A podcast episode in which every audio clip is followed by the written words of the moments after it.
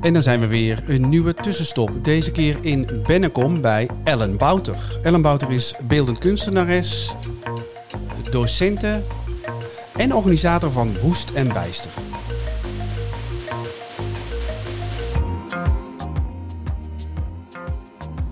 Heb ik dan alles gehad, eh, Ellen? Hallo. Hallo.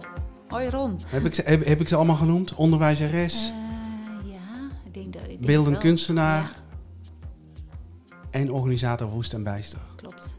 Ja. Wie staat er op één? Wat staat er op één?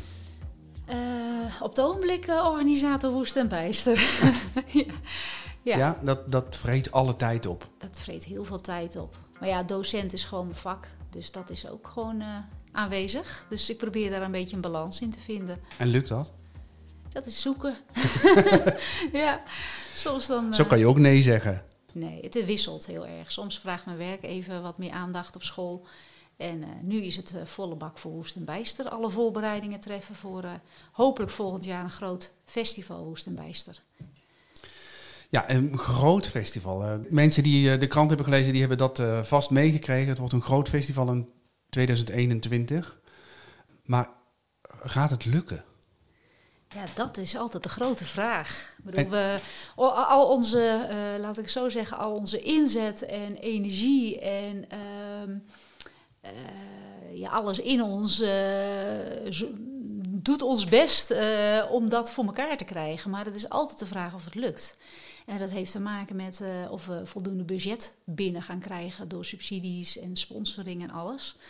En dan Ehm, helpt corona vast niet. nou, en dan is corona natuurlijk ook heel spannend. Van wat gaat er straks mogen in augustus? Kan er een festival georganiseerd worden? Of eh, ja, zitten we in een halve lockdown? Of eh, mag het gewoon niet? Ja. Ja. dat is heel spannend. Maar we, we, we, tot nu toe hebben we zoiets, we gaan gewoon door.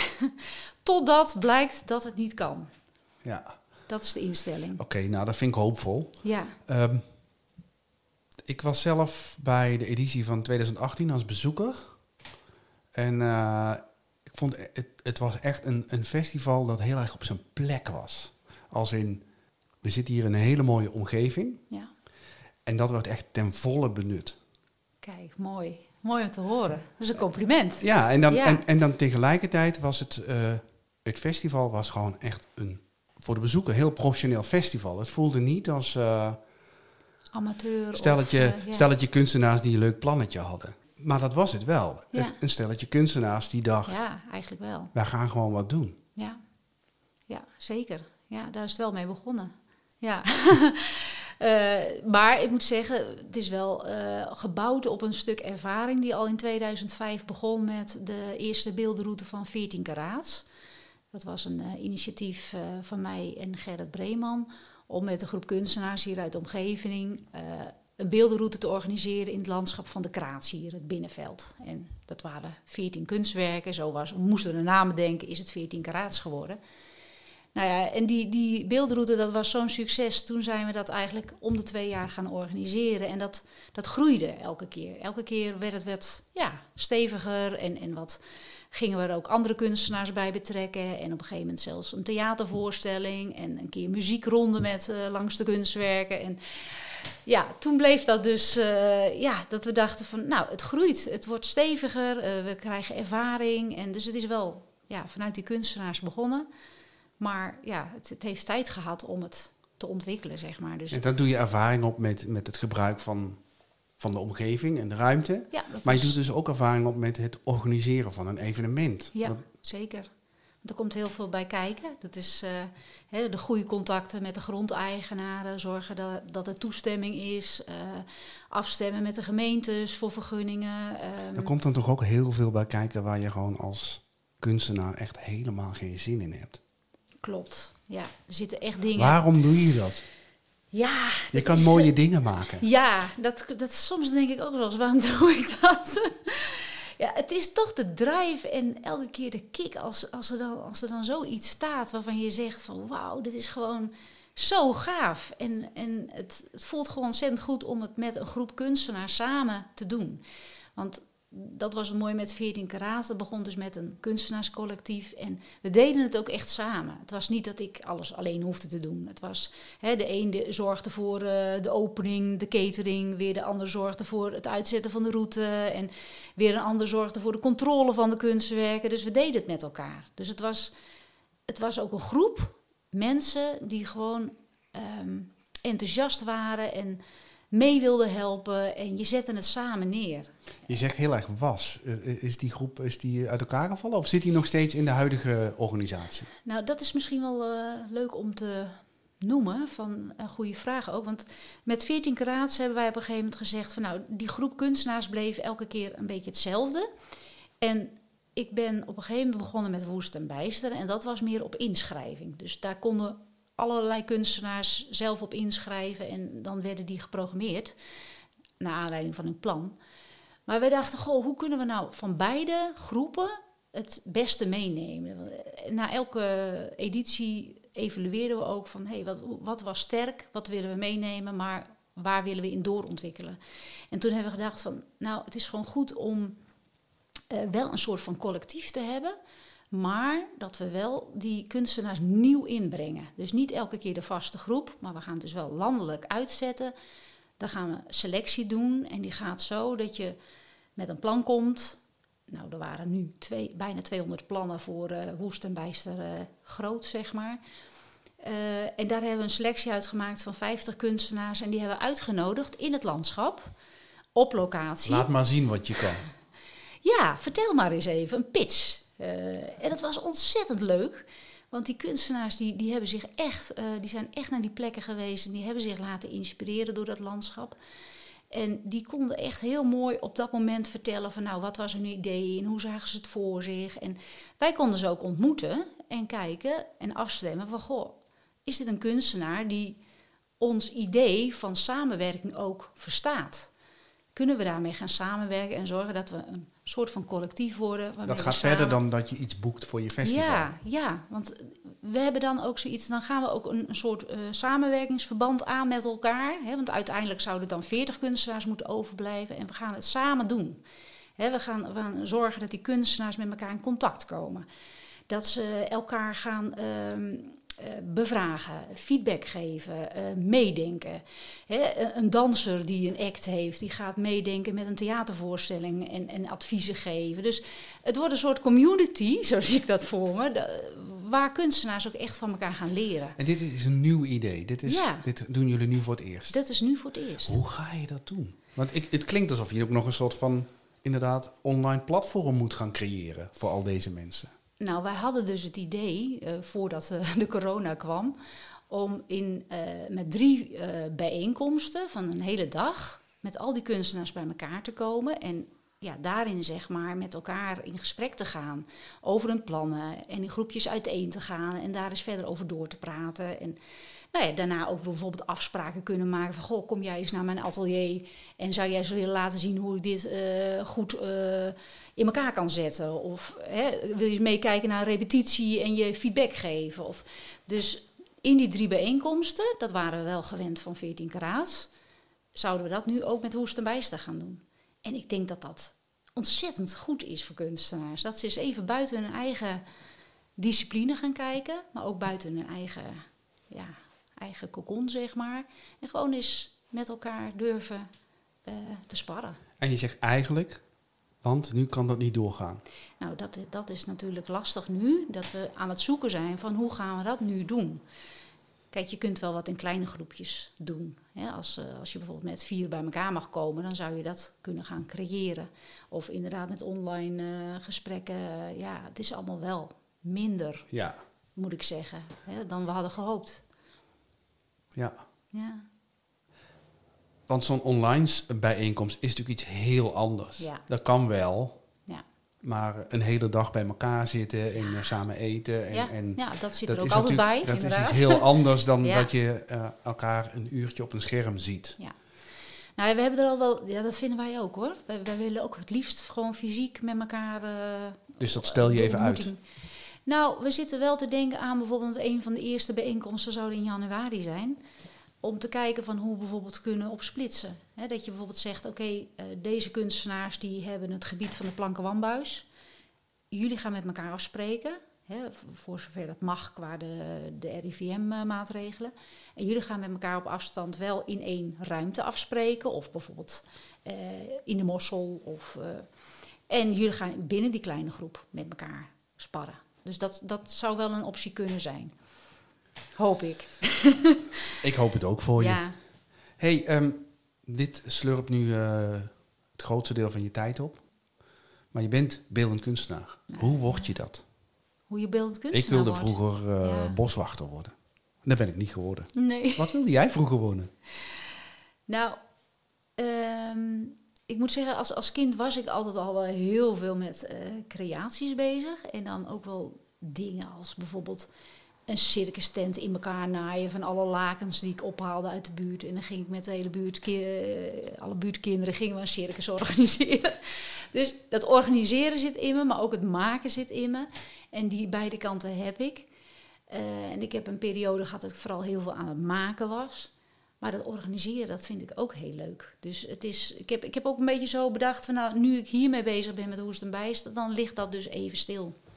En dan komt dat weer. Dan, dus ja, ik wissel het af nu. Maar heb je kunstacademie gedaan? Of, nee, of- nee, het is eigen. Ik ben begonnen met eh, schilderen eerst. Daar heb ik wel wat eh, cursussen bij gedaan. Toen ben ik begonnen met keramiek. Daar heb ik ook wat eh, opleiding voor gedaan. En uiteindelijk ging ik dus dingen in het landschap maken, omdat dat landschap mij trekt. En ik wil gewoon grote dingen maken. grote dingen. En want je, gaat, je hebt altijd hier gewoond? Eh, ja. ja. Dus Binnenkom. de, Ve- ja, dus de Veluwe is wel mijn, eh, ja, mijn achterland. En, eh, en op enig moment dacht je, oké, ik moet to- toch nog wat doen. Nou, dan word ik maar onderwijzeres. Ik ga naar de PABO.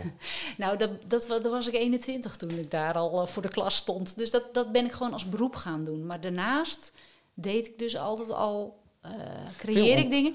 Veel onderwijzers hebben dan, Ja. de- hun hart ligt ook echt bij onderwijs. Ja, zit, Waar is ligt ook jouw zo. hart? Ja, ook. Ja, ik, ben, ik heb heel lang gedacht, ik moet kiezen. Ik moet, he, heb ik echt jaren over gedaan. Ik dacht, oh, ik moet kiezen. Totdat ik op een gegeven moment dacht, ja, waarom moet ik eigenlijk kiezen? Waarom? Ik kan het allebei doen.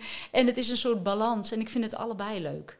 En het, het een, het, het met kinderen werken en het eh, eh, leren, zeg maar, vind ik ontzettend leuk. En eh, Dus niet, kie- je kiest ervoor om het allebei te doen. ik doe het allebei. Alle drie. Alle drie. nou, dus nu dit jaar even niet. Alle drie. Geen beeldend werk. Nee, maar niet zelf. tegelijk. Maar Nee. dat je... De, de, Ja. In ik, ik ben het met je eens. Je- je- Ja. Waarom moet je kiezen? Ja, Als je het alle drie leuk vindt en je vindt een manier om ja. daarmee eh, eh, te spelen. En dan zeg je, nou oké, wij gaan in 2021 echt een enorm groot festival doen. ja, Dus daar ligt de focus. ja, klopt. En daarna, Dan zien we wel weer. ja, Nou, en het is ook zo van mijn beeldend werk kan ik niet leven. Dat, dan, dan moet ik een andere. En dan. Dat, dat is één. En ik ben in die zin ook niet commercieel. Omdat, kijk, ik, ik kan niet in een opdracht werken. Dat heb ik ook wel eens een paar mensen die mij vroegen: Goh, kan je dit maken? Of zou je dat willen? Ik kan dat niet. Ik, waarom er niet? moet, ja, dan, word, dan sla ik op slot. ik moet een soort van inspiratie bedenken. Hier wil ik wat mee. Hier wil ik wat mee. En dan wil ik het gewoon. En dan ga ik het doen. En dat is dan genoeg. Dan gebeurt En dan, het is, ook. dan gebeurt het. En dan hoef ik het helemaal niet te verkopen. Of eh, vaak is dat niet eens het geval. Soms verkoop ik wel, maar dat is de manier een soort geluk, zeg maar. Dat, dat, ik heb er niet mijn best voor gedaan. ja, het is, eh, ja nee, nee, zo is het. Ja. Ja. dus, en eh, dat wil ik dus ook niet. En dan, want dan, dan, ja, dan, dan gaat het en heel veel Wat druk fijn. geven. En, Het klinkt alsof je daar echt... eh, dat, dat, je dat, dat heb je gewoon opgelost voor jezelf. Ja, het is klaar. Ik denk, nou oké, mijn, geld verdien ik met eh, het onderwijs. Dat klinkt dan even heel oneerbiedig, want ik vind het ook gewoon echt heel leuk. En ik heb de ruimte daardoor om, om wat te doen. Je zei dat vind je ook leuk, maar dat is je basis. En van daaruit heb je natuurlijk ook de ruimte om al die energie... Om eh, leuke dingen te doen. Compromisloos eh, te stoppen in andere dingen. Klopt, ja. En ook met woest en bijsten. Kijk, dat is niet mijn insteek dat ik daar geld mee verdien. Of het, het, is, ehm, het is een drive die ik heb. En daar wil ik gewoon aan toegeven. En ik vind, ik vind het gewoon heerlijk. Waarom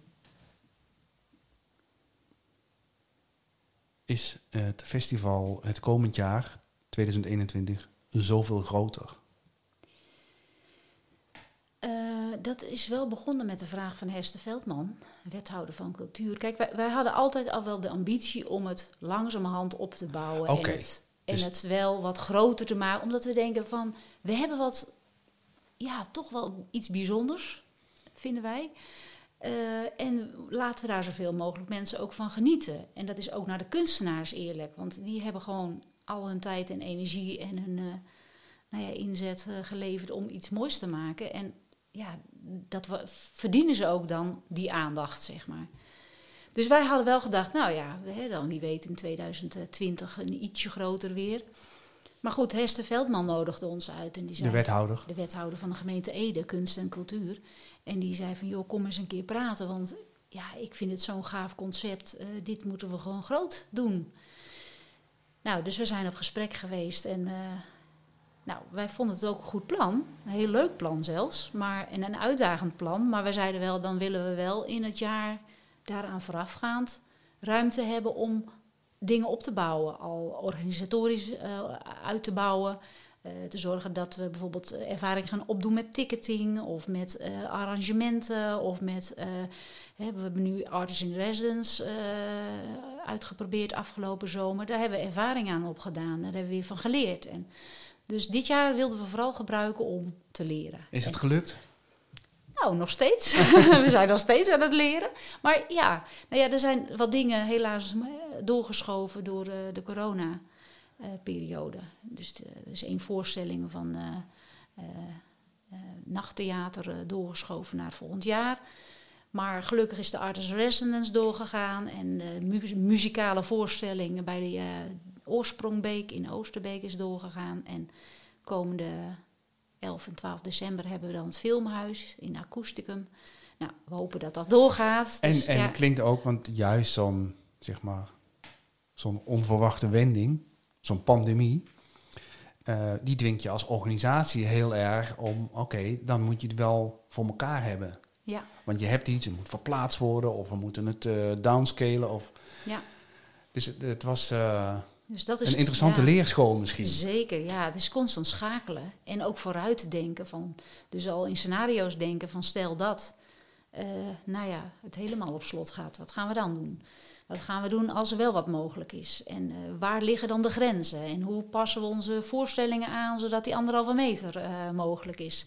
Dus het, het, vraagt ook wel wat van onze creativiteit om het ja, toch op wat voor manier dan ook door te laten gaan. Heb je dan nu ook twee trajecten? Eentje van, uh, oké, okay, we hebben nog steeds met de coronarealiteit. En pad twee is, we mogen weer normaal doen. Ja, ja zeker. Ja. Kijk, we, gaan uit van normaal doen. Dat is gewoon het volle scenario, zeg maar. En daarnaast hebben we dus een lijn van, ja, stel dat in het acousticum niet kan... ja, dan hebben we al een nieuwe datum gepland. He, met akoesticum overlegd, van kunnen we het dan doorschuiven. Met de theatermakers afgesproken van, hey, kan dat? Ja, dat kan, tot en met maart. En dan, dan moet het duidelijk zijn. Dus zo ben je constant in overleg met elkaar van, oké, wat dan en wat als? Ja. Nou, klinkt alsof jullie er wel klaar voor zijn. Ja, zeker wel. En, en, en welke maar, fase zit je nu bij? bij want want uh, 2021 klinkt heel ver weg, maar ben je nu uh, met financiering bezig, dat zei je net. Ja. Uh, programmering? Ook al, volop, ja. Dus we zijn alles aan het voorbereiden. Dat, we hopen begin maart een go te kunnen geven. Dat het budgetair kan, dat het qua maatregelen kan.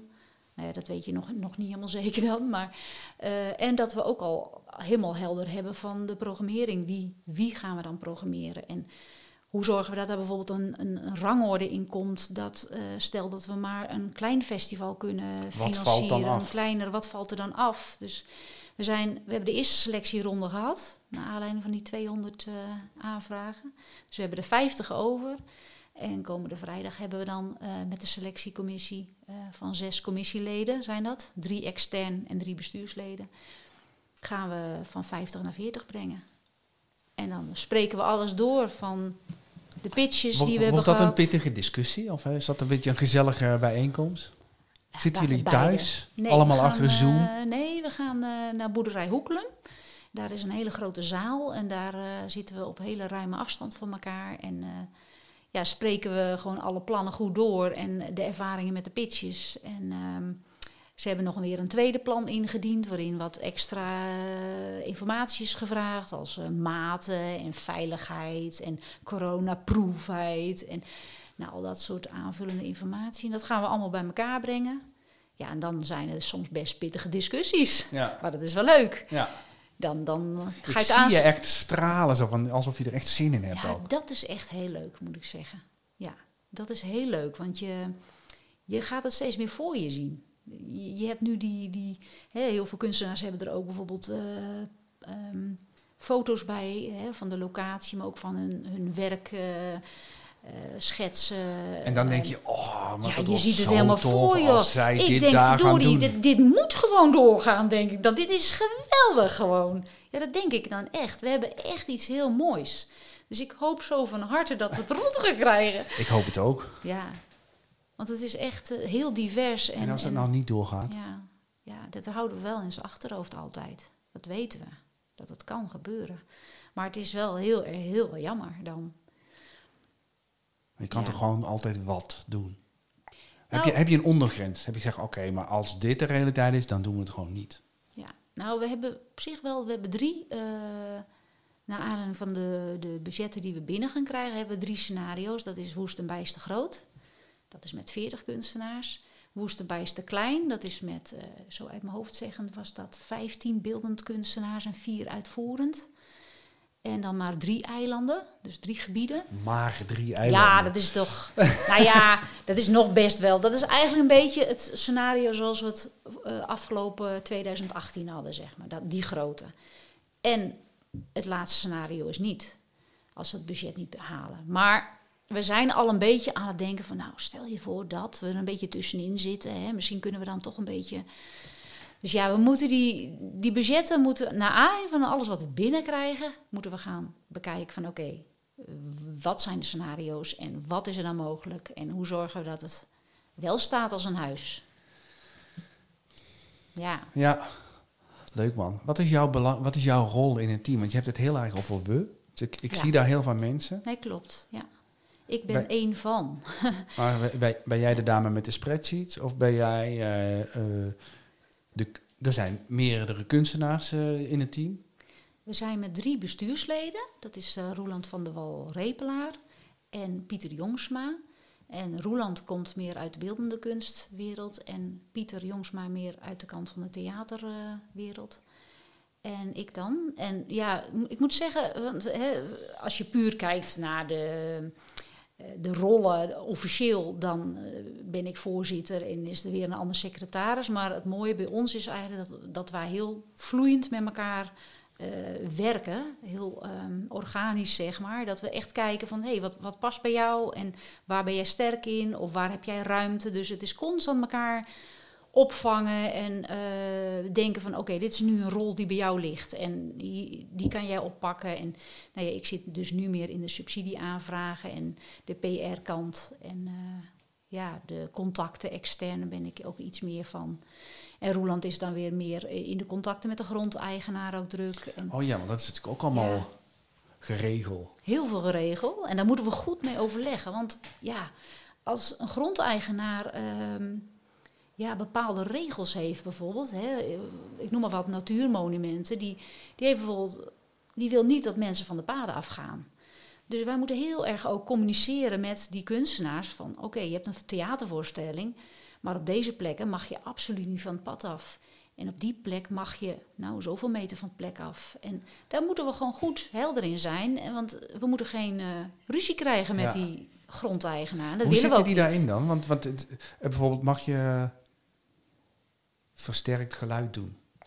Nou, Ook niet overal. Nee, eigenlijk bijna nergens in de natuurgebieden. Want daar verstoor je de, de vogels eh, en de dieren mee. Maar bepaalde plekken, ik noem maar wat, bij ehm, bijvoorbeeld ehm, de beken of bij eh, nou ja, het akoesticum zou bijvoorbeeld een van de startplaatsen zijn. Daar kan wel weer muziek versterkt. Dus ja, maar zo, dat is natuurlijk heel bepalend voor wat je waar kan doen. ja klopt. Ja. Dus daar zijn we ook steeds in overleg mee met de kunstenaars. En dat is voor hen ook een uitdaging. Want ja, veel theatergezelschappen zijn gewoon gewend om met uh, versterkte. Ja. En dan zien ze iets zeggen: Oh, dan gaan we dit, dit, dit, dit doen. En dan zeg je: ja. sorry, maar dat kan dus niet.